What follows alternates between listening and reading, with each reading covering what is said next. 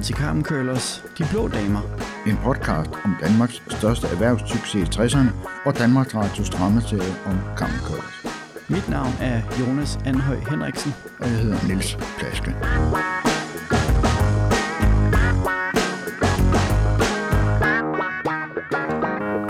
Hej Niels. Jamen hej Jonas. Så er vi jo færdige med, med første sæson. Det var dagen. Det var det. Otte afsnit. Ja. Mm.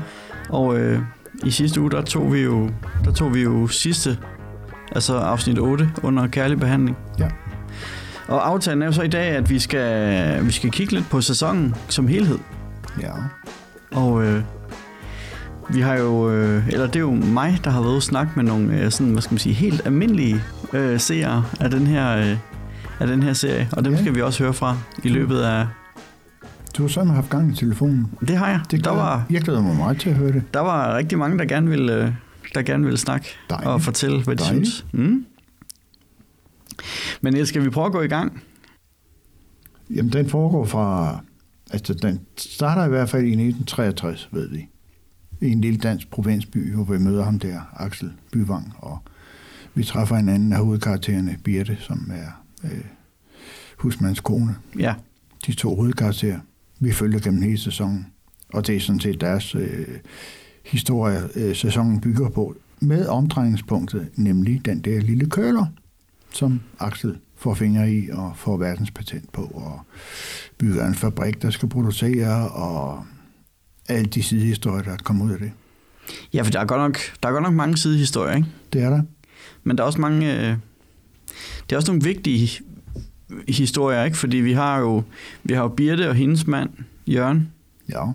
Og han får leukemi, jo. Han får leukemi, mm. Mm. og det følger vi. Så har vi en historie også om Eva og Katrine over på hotellet, Ja. på Grand Hotellet. Mm-hmm. Det er en af de mindre historier. En anden lille historie, det er om øh, Birtes søn, Svend Og Kirsten, og Kirsten. og sådan lidt forelskelse. Ja, Mm-hmm. det er heller ikke en, den, den har vi kun set et par gange, tror jeg. Ja. Og så har vi også historien om Paul og Vera, ja. Som er rimandsfamilien. Ja, Paul, Axels plageånd fra kostskolen. Og så kan man sige, at vi jo i virkeligheden også måske har en historie om forholdet mellem Axel og hans kone Tobe. Altså, de, de to de bærende de, øh, hovedhistorier, det er Axel og, øh, og Birte. Ja, i hvert fald hvad angår køleren, ikke? Ja. Og så er der alle mulige, øh, hvad skal man ikke forviklinger, men sidehistorier ja. ud fra de to. Mm. Nu er det blevet tid til en kort besked fra vores sponsor, punkt 1. Eller faktisk er det et rigtig godt tip, som alle kan gøre brug af, og som jeg selv har brugt, da jeg skulle købe hvidevarer. På et tidspunkt i forbindelse med flytning, der skulle jeg bruge både en vaskemaskine og en tørretumbler. Så jeg fandt de hvidevarer på nettet, som jeg mente dækkede mine behov. Jeg fandt selvfølgelig de steder på nettet, som kunne sælge mig hvidevarerne billigst. Jeg kan godt lide at handle lokalt, så jeg gik ned i min lokale punkt 1 for at høre, om de kunne matche de priser, jeg havde fundet online.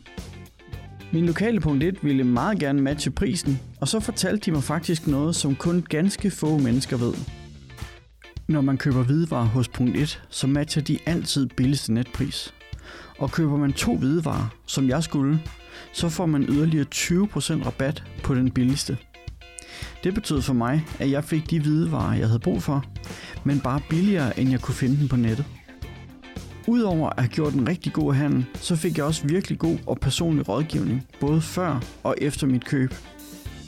Så har du brug for hvidevarer til dit hus eller din lejlighed, så vil jeg anbefale at tage en tur forbi din lokale punkt 1. Så sparer du penge og får rigtig god rådgivning. Punkt 1. Kom hjem med det rigtige til den rigtige pris. Tak fordi du lyttede med. Nu tilbage til podcasten. Men skal vi, skal vi ikke prøve at kigge på, på hvad der sådan er, er, er rigtig godt ved serien, men også hvad der måske er mindre godt. Ja. Og skal vi prøve at starte med det, der er måske mindre godt? Du har jo selv en holdning til afsnit 6, Ja. og, og det har vi jo også hørt fra rigtig mange andre.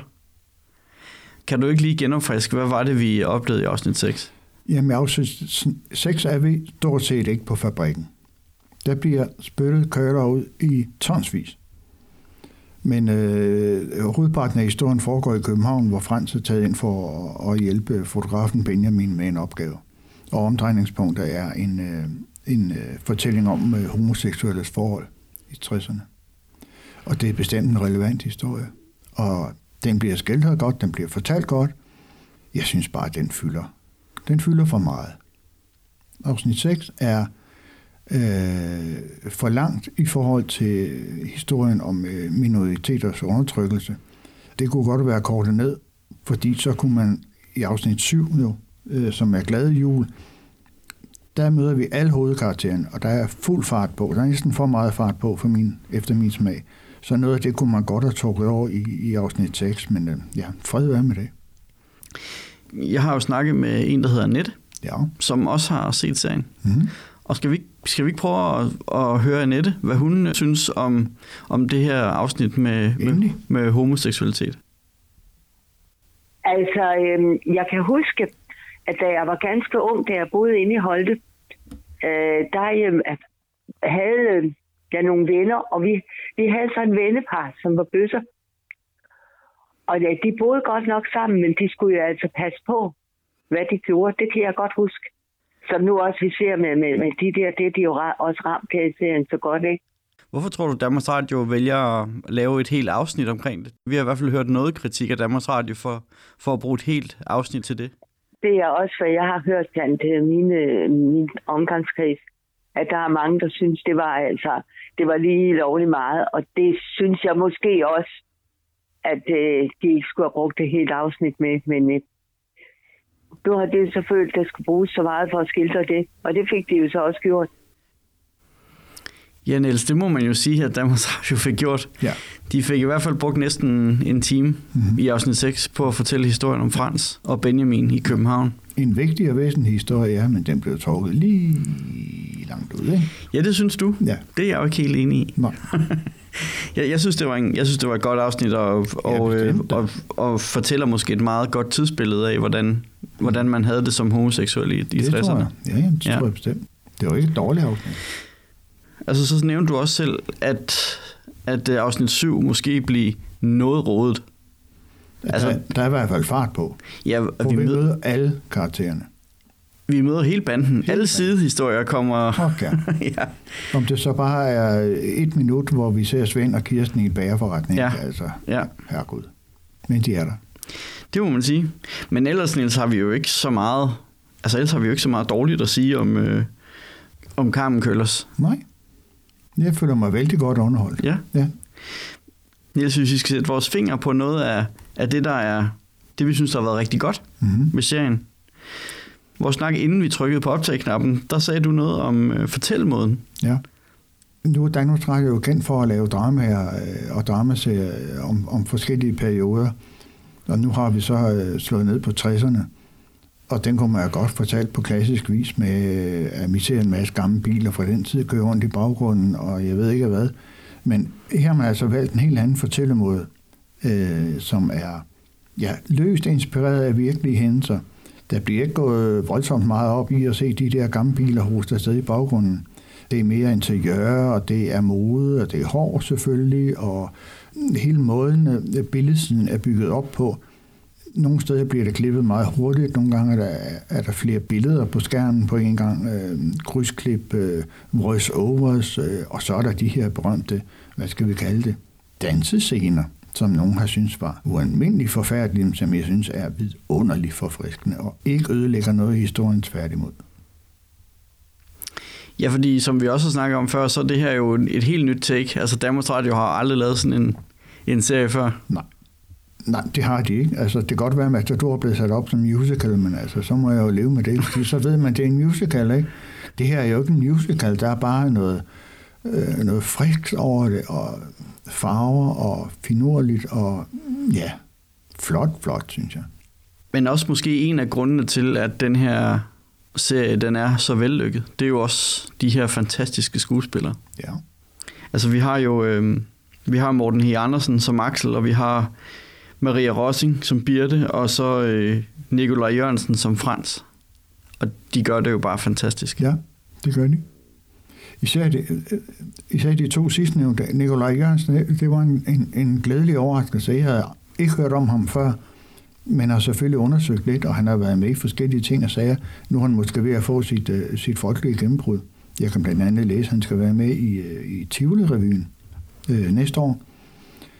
Jeg synes, han gør det rigtig godt, og han, og han spiller fremtrollen fremragende. Men uh, en meget stor buket blomster vil jeg altså sende til Maria Rossing, fordi hun er min absolute øh, favorit i den serie.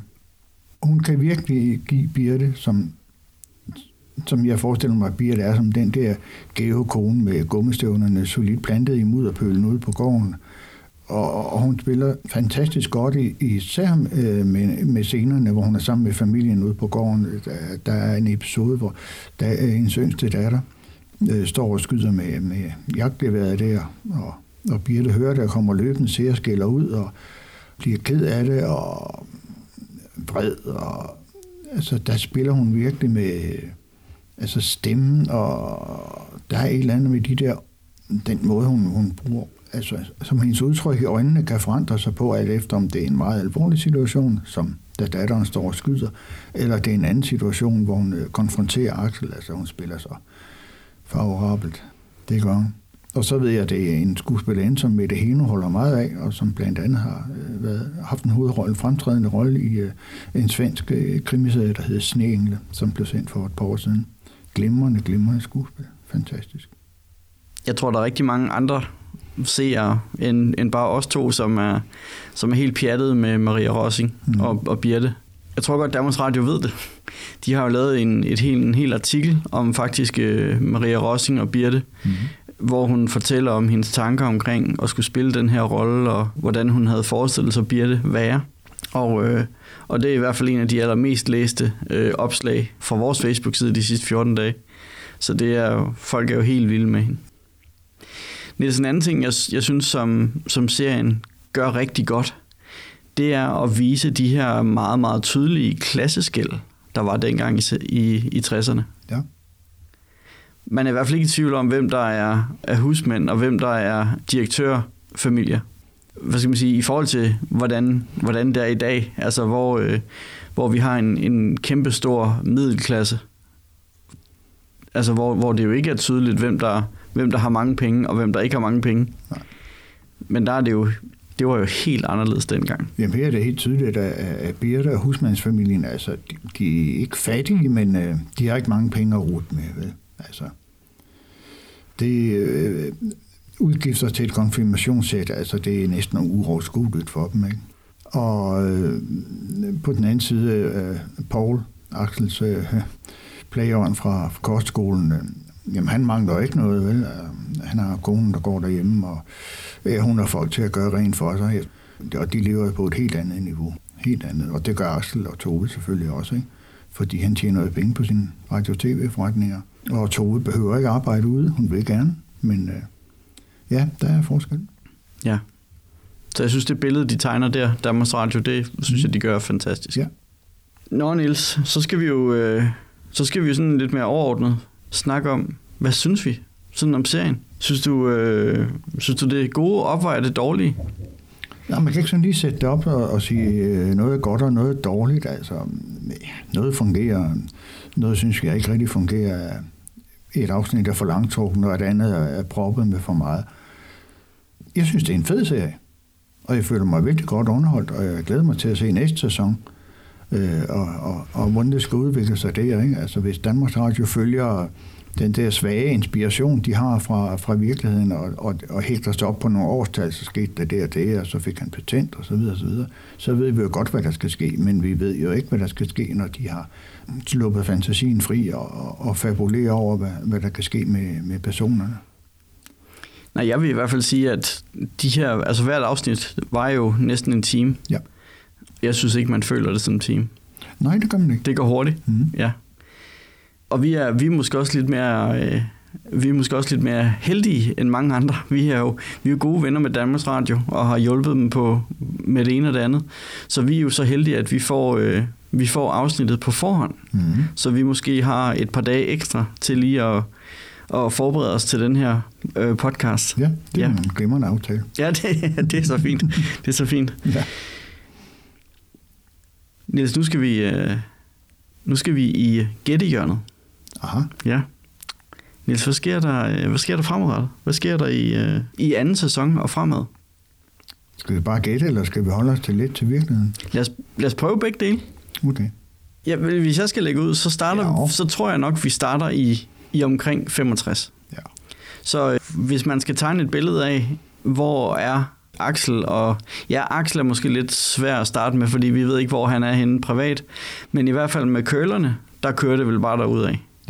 Det tænker jeg. Ja, der begynder det at gå stærkere og stærkere. Fabrikken udvides, og han får større og større marked.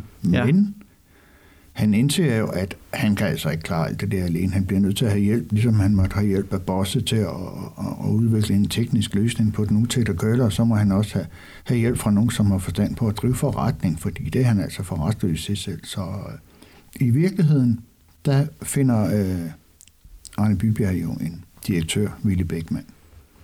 Ham har vi ikke set antydning af i dramaserien endnu. Så hvad Axel gør der, Ja, og måske. hvordan han hitter en direktør. Ja, du har en teori. Kom nu med.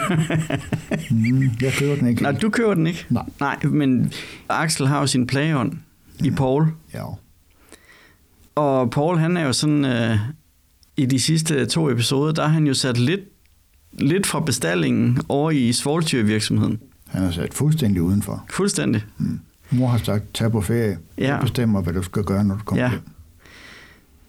Og man kan sige, så længe Danmarks Radio ikke har introduceret andre personer, Ja. så kunne man go- måske godt forestille sig, at, at øh, Paul kom til at spille en rolle på fabrikken. ja, det kunne man godt. Det er lige hvordan. Ikke? Ja, Altså, altså ja. vil Axel virkelig øh, være så storsinde og, og, og tage ham til noget? Ja, Altså plageren, som bogstaveligt talt pissede på ham, ikke? jo. og prøvede at ødelægge hans forretningseventyr, og så vil han virkelig det. Jamen, vi får se. Det er jo fantasi. Vi ved det ikke. Det er fiktion.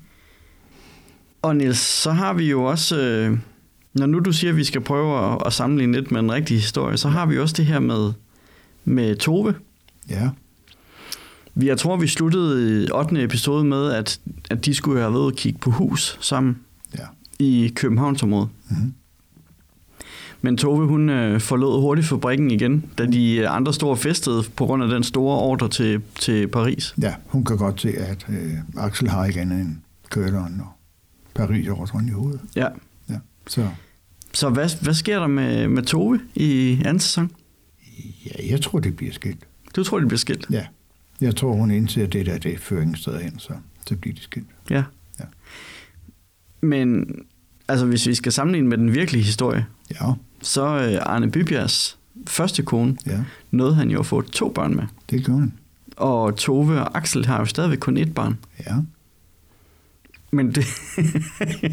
Men du tror, at Danmarks Radio lige springer lidt over der? ja, det tror jeg. Men det er ikke til at vide. I den, I den virkelige historie, der har vi jo også, at Arne Bybjerg, han møder jo en træsproglig korrespondent, Ja, som han så bliver gift med senere. mm. Og hvem var det nu, der var træsproglig korrespondent i Danmarks Radio-serie? ja det er jo Lis. Det er jo Lis. Ja, ja. Men øh, Lis møder han jo på fabrikken. Ja. I virkelighedens verden møder han jo ikke den træsproglige korrespondent på fabrikken. Nej, og slet ikke i Det- 63-64. Nej, nej, nej, Nej. Det er ude i selskabslivet i sidste 60'erne, ikke? Ja. 67 tror jeg det er, eller sådan Ja. noget. 68, 67. Men det kan også være, at Danmarks Radio tager sig nogle friheder der. Ja, jamen, det har de gjort på mange andre punkter. Så Ja, ja. Ikke? Så tror vi, øh, tror vi Lis og, og Axel bliver gift Nej. senere. Nej, Det tror vi ikke. nej. Nå. Ligger den ikke lige til højre benet, at... Øh, Nej, det, det, Det- synes jeg ikke. det synes du ikke? Nej, nu Nå. har, nu har fransk også øh, ligesom øh, fundet lidt andre sider af sin seksualitet. Måske. Ikke? Vi ved det jo ikke. Nej, Mm-hmm. Jeg tror det ikke. nej, okay. Det Jamen- bliver ikke og Lis. Det gør det ikke. Og hvad så med... Øh, vi har jo også øh, en stor amerikansk virksomhed, som lige pludselig får øjnene op for Carmen Ja. I hvert fald i den virkelige historie. Ja, ja. Og det tænker jeg også, vi får i, i deres serie. Ja, på et eller andet tidspunkt må de jo komme, om det bliver anden sæson. Det kommer an på, hvad, hvad, hvad årstal den, den sådan vil dække. Så, jamen, så kommer Clarol jo, eller Clarol. Selvfølgelig bliver de nødt til at komme ind over.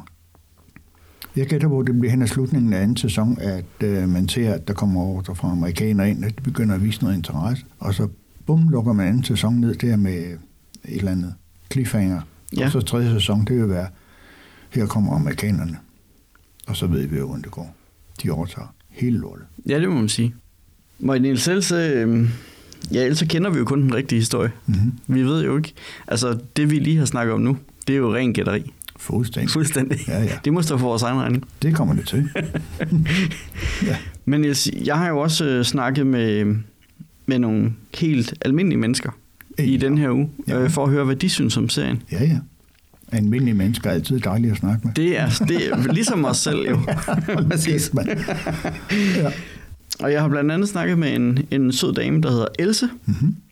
Og øh, jeg startede med at spørge Else, om hun havde nogen øh, relation til Carmen selv. Uh, jeg har ikke nogen relationer udover, at jeg har købt Carmen lige siden de kom frem, og har brugt dem lige siden. Men jeg har set hele serien, Ja. også mere end en gang. Også mere end én gang. Jeg kan streame den jo, så, så jeg har set afsnittet to gange. Jeg synes simpelthen, det er så godt lavet. Og jeg har også set uh, den der Køle Kongen. Ja. Jamen, så er du en rigtig fan. Det kan du tro. det er jeg. Hvad er det, du synes, der er godt ved serien? Jeg føler, at selvom den er, den er jo ikke øh, korrekt ud fra, hvad der er sket, at den er jo omskrevet og dramatiseret og sådan noget, så synes jeg, den giver et utroligt godt tidsbillede af, sådan som det var der i 60'erne, øh, med, med tøj og mad og alt sådan noget. Altså, det giver jo et godt øh, tidsbillede af, af den, den tid der. Og det er, fordi du selv kan huske det. Ja, jeg er. Jeg er 74 år gammel, så jeg Ja. var jo jeg var jo en ung pige dengang. Nu Danmarks Radio, de, øh, de tager jo også, de tager måske et spadestik dybere, hvor de snakker om, om hvordan man så på øh, minoritetsgrupper. Er Ja, det, det øh, synes du, det, det er fint, at Danmarks Radio gør det? Ja, det synes jeg, at de øh, kom lidt bag på mig, at, at de også var omkring sådan nogle emner, men øh, det synes jeg er fint, fordi det også er tidstypisk. Ja, det fortæller også lidt om, hvor, hvor langt vi er kommet i dag, øh, siden 60'erne. Ja, Altså, er vi kommet langt nok siden 60'erne? ja det synes jeg er rimelig kommet langt nok. Hvorn- Hvornår gør man det? Ja. Men at det blev sådan i dag, ikke først med registreret partnerskab, og nu at, at, øh, at øh, folk må have lov til at gifte sig. Kan du identificere dig med nogle af karaktererne i, øh, i serien i forhold til, hvordan du selv har oplevet din egen barndom? Det kan jeg godt. Altså, øh, for eksempel sådan noget med frisyrer og make-up og tøj og sådan noget. Der, jeg var øh, jeg er født i 48, så jeg har været de her 16, 17, 18 år der øh, i 60'erne, hvor, hvor det her øh, med Carmen Kølle blev aktuelt, og hvor, hvor det er optaget. Så det var jo en vigtig tid for mig, øh, den alder der. Du har gået meget op i hår og makeup og alle de ting der. Ja, du kan tro, der blev sat curly, og der blev tuperet. Og så, så det... Øh, Det må også have været en fantastisk tid. Altså, der skete jo mange øh, omvæltninger i samfundet på det tidspunkt. Når man snakker om 60'erne, så skete der jo meget, altså kvinder på arbejdsmarkedet, og, og, og det man jo også ser i serien, det er jo, at Birte, hun får jo en, en vaskemaskine, som lige pludselig frigør en hel masse tid fra hendes hverdag. jeg, kan godt, øh, jeg kan godt huske, øh, øh, at vi havde vaskekælder med en grukid, og, øh, og jeg voksede op ude på landet. Der var ikke Der var ikke meget luksus. Nej, det var der ikke. Nej. Der, der, var sådan en, der var en dame, der købte en, en vaskemaskine, som hun så lejede ud på dagsbasis. Så, så det, det var jo... Det, det har også været der i den tid der, at, Og det lyder øh, smart ellers. at det blev muligt. Ja, det var sådan en, der var på hjul, og så, så kunne den køres derhen, hvor man nu skulle, skulle bruge den. Og Ja. det, var, det var sådan en, øh, det var sådan en der, øh, der, der kørte rundt. Øh, man puttede tøjet ned oppefra og ned efter. Det var ikke sådan et lukket system. Det var et åbent system, hvor, hvor låg det, man lagde låg på, og så stod det så og kørte frem og tilbage dernede i. Men den, den kunne jo ikke skylle, og den kunne ikke slynge og sådan noget. Så, Nej, nej, nej. øh, Og så spurgte jeg også øh, Else om øh, det her med, at Danmarks Radio-serie var bygget på en, en rigtig, virkelig historie. Om det havde nogen betydning. Jeg, jeg synes i hvert fald, det betyder noget, fordi jeg, jeg, jeg kender jo meget af historien på forhånd, og har siddet og ventet på, hvornår kommer der det, og hvornår kommer der det, og øh, hvordan vil de gribe det der an, og Så, øh, så det synes jeg har været spændende at se, hvordan de nu har, har gjort det. Jamen Niels, det var Else, som jeg havde snakket med. Mm. Det var ellers smart det her med, at, at hun kendte en fra sin barndom, som havde købt en, en vaskemaskine, som hun lejede ud. Ja, det stemmer. Det var der entreprenørskab, så det ville noget. Ja, jamen det... Og der kan man se, hvilket øh, velfærdsgode det pludselig var, ikke? Tænk at kunne betjene sig af en vaskemaskine. Og man lejede den ud, ikke, hvis man havde en. Det er jo fantastisk. Ja, det må man sige. Og jeg har, vi har jo i, altså jeg, jeg er jo født i 77. Jeg har jo intet begreb om, hvor lang tid Nej. kvinderne i 50'erne og 60'erne brugte på at vaske tøj. Jamen altså, timevis om ugen, ikke? Jo. Ja. Det har været helt, det har været, det har været fantastisk formentlig at få sådan en, Jamen, en det har luksusgode der. været godkedel og koge det, og vride det, og vaske det, og skrubbe det på et vaskebræt, og hold op, ikke? Men Niels, jeg har også snakket med, med Søren, Okay, og Søren han, øh, han kommer her fra Kalundborg. ja. Lad os prøve at høre, hvad Søren siger. Jeg spurgte ham først, om, øh, om han har nogen relation til Carmen. Nej, ikke sådan, ikke sådan generelt. Altså, jeg er 58 år jo, og har boet herude i, øh, i alle 58 år, mere eller mindre. Så, så øh, i min tidlige barndomsår og sådan nogle ting, der har jeg, har jeg jo selvfølgelig hørt om Carmen. Og så var jeg kammerat med, øh, med personalchefen Henning Walter Hansen. Hans søn øh, var jeg kammerat med i, i ungdomsårene. Øh, og jeg kunne også se, at han lå også op på telefonlisten op på, op på, øh, op på museet. Der lå som telefonliste, der stod han også. Det er sådan set det, det, er sådan set det jeg har med Carmen at gøre. Så, så ved jeg jo alle de her damer, der boede i byen, at de, at de mange af dem arbejder op og sådan nogle ting. Der, ikke også?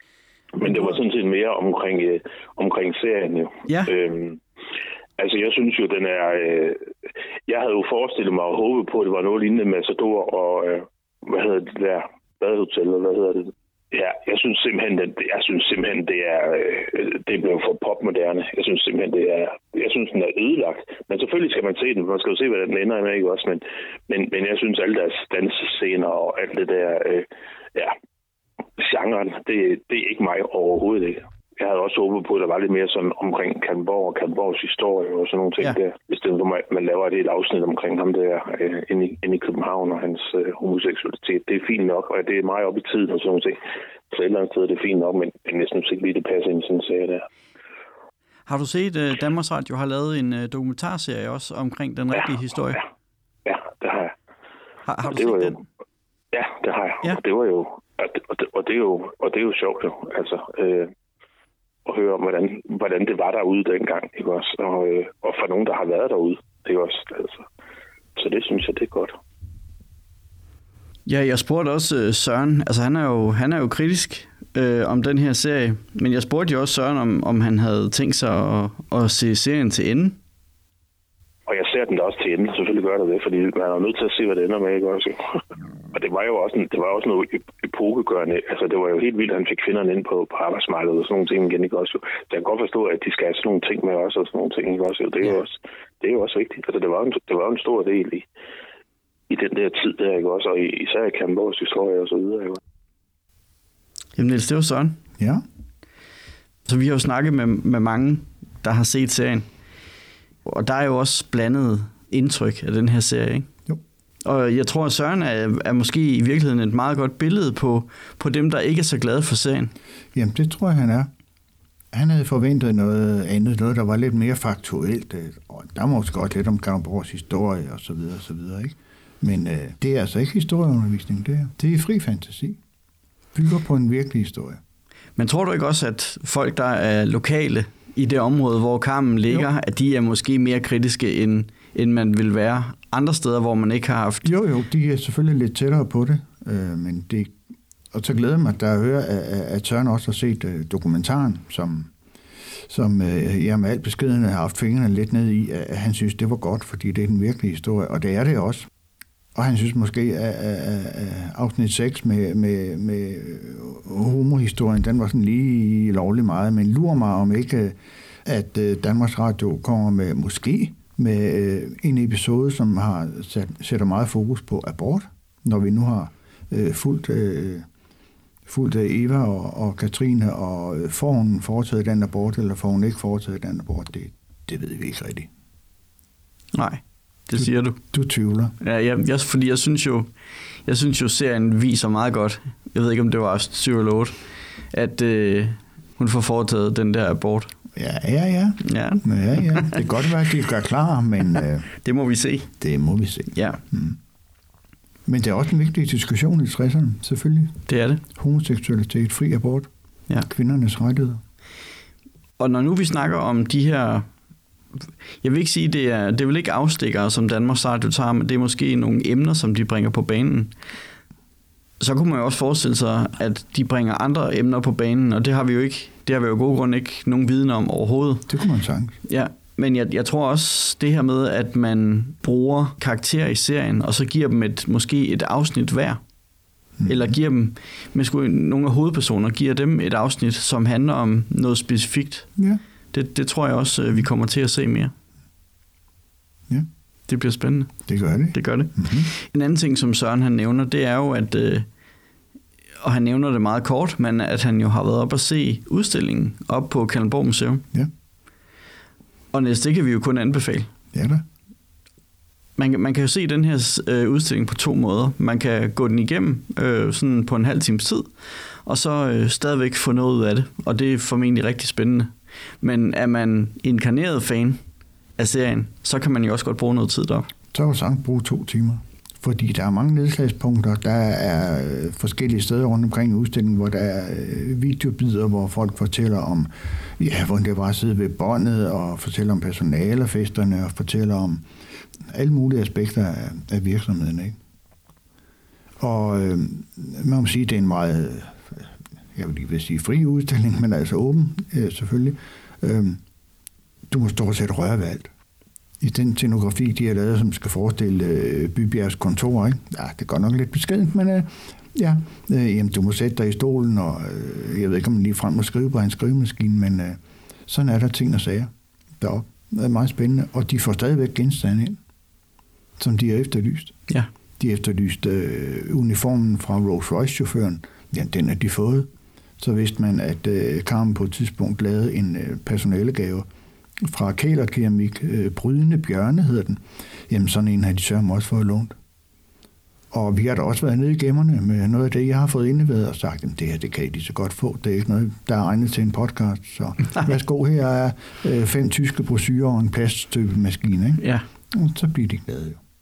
Kom, kom og se den. Ja, men jeg synes bestemt, vi skal anbefale, at man tager op den. Og jeg tror, at den kører jo, den kører jo de næste to-tre år, må ikke? Jo, Mens serien kører. jo. Det tror jeg. Mm. Jamen, en opfordring herfra i hvert fald. Ja. Nå Niels, så er det blevet konkurrencetid. ja. Hvad har du nu fundet på? Ja, ja Niels, vi er, jo, øh, vi, er jo, vi er jo heldigvis rigtig gode venner med Danmarks Radio. Mm. Og de har simpelthen været så søde og, øh, og sende os noget helt unikt Carmen Curlers merchandise. Lige præcis. Det, og det er jo fantastisk. Og, Ja. og det her merchandise, det er, jo, øh, det er jo i princippet så unikt, som man ikke kan købe det nogen steder. Niels, vi har fået nogle, øh, vi har fået nogle fantastiske øh, muleposer Ja. med Danmarks Radio-logo på. En i rød og en i sort. Ja, fuldstændig rigtigt. Der står Carmen Køllers på den ene side, og kan du huske sloganet på den anden side? Åh, hvordan er det nu? Nej, det kan du. Ja, det kan jeg. Mm. Der står, de tror, du er tosset, indtil du har forandret verden. Det er sandt. Ja. og det er jo... Ikke så dårligt, var? Nej, det synes jeg ikke. Nej. Og det rammer jo lige præcis Ja, øh, ja. i Danmarks Radios ånd. Mm. Der rammer det jo meget godt Axel Byvang, ikke? Jo, Og det har formentlig også ramt det Arne Bybjerg rigtig godt. Det tror jeg, ja. Det tror jeg. Og så er der selvfølgelig et lille DR-logo på den. Ja, ja, selvfølgelig. Det skal der være. Ja. Og den er selvfølgelig produceret i organisk bomuld. Sådan. Det er klart. Men Niels, jeg synes, vi skal, vi skal udlåde sådan et par øh, muleposer her. Ja, Ja. gør det. Og øh, jeg tror, vi gør det sådan, at øh, vi har jo et nyhedsbrev inde på vores hjemmeside, Ja. som man kan tilmelde sig. Så jeg tror, at øh, det vi gør, det er, at øh, hvis man øh, går ind og tilmelder sig det her nyhedsbrev, Mm-hmm. så deltager man automatisk i lodtrækningen for at vinde en af de her øh, muleposer. Ja. Og vi trækker jo øh, to vindere. Mm-hmm. En til den sorte og en til den røde. De er i princippet ens. Der står det samme på. Ja. Øh, de har bare to forskellige farver. Og vi udtrækker det i næste podcast. I næste podcast, så, øh, så hiver vi de to vinder op af hatten. Og så, øh, ja, så må vi se. Det var da smart. Det er det. Mm-hmm. Præcis. Tada! Ja. så hvis du gerne vil deltage i konkurrencen, så gå ind på carmen-curlers.dk og så vælg nyhedsbrev i menuen. Og så skal du bare skrive dit navn og din e-mail og trykke send, og så, øh, så er du automatisk med i konkurrencen i næste uge. Ja, hvem vil gerne vinde sådan en? Helt sikkert. Mm. Ja, og vi har jo, vi har jo faktisk... Øh, vi har faktisk sat os for at udlade alle de muleposer, vi har fået. Ja da. Så vi beholder ikke engang nogen selv. Ah, ah. Oh, ja. ja. Jeg er ikke sikker på, at min kone bliver så glad for det. Jeg tror godt, hun kunne gå rundt med en Carmen Køllers mulepose nede i Så byen. må hun abonnere på vores nyhedsbrev. Ja, det er jo det. det, er jo det. og Niels, her til sidst, så er der jo gået lidt øh, mode i det her Carmen Køllers. Ja, det De sidste hører vi par sådan- måneder. Det hører vi sådan lidt på vandrørene, ikke? Ja, Mm. altså blandt andet har vi jo hørt fra, fra Stina, som er producent på, på serien, at hun jo har hørt inde i København, at øh, der øh, kommer de unge damer ned til frisørerne og beder om at få lavet Carmen-krøller. Ja. Det er jo fantastisk. Ja. Hvem havde set den komme? Ja, det, det ved jeg heller ikke, men det, øh, men det ser jo også fantastisk ud, ikke? Jo, jo. Det gør det bare. Jamen, der er jo faktisk mange muligheder med dem, ikke? Ja, man kan blive en ny kvinde på 10 minutter. Nå ja.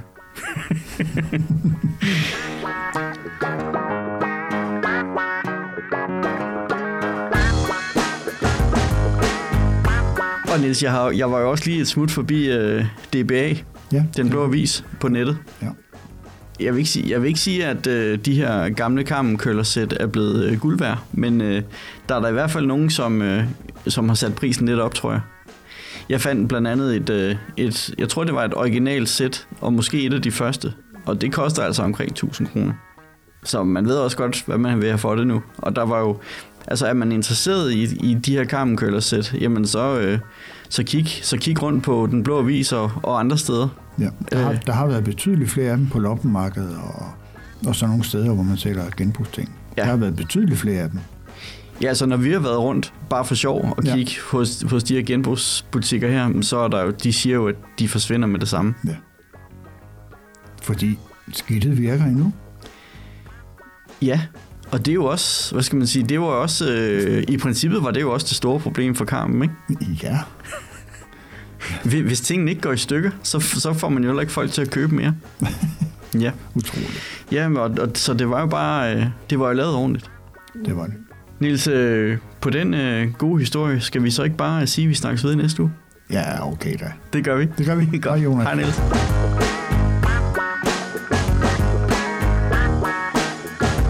Vil du gerne vide mere om Carmen Curlers, så besøg vores hjemmeside på adressen carmen-curlers.dk. Tak fordi du lyttede til Carmen Curlers, De Blå Damer.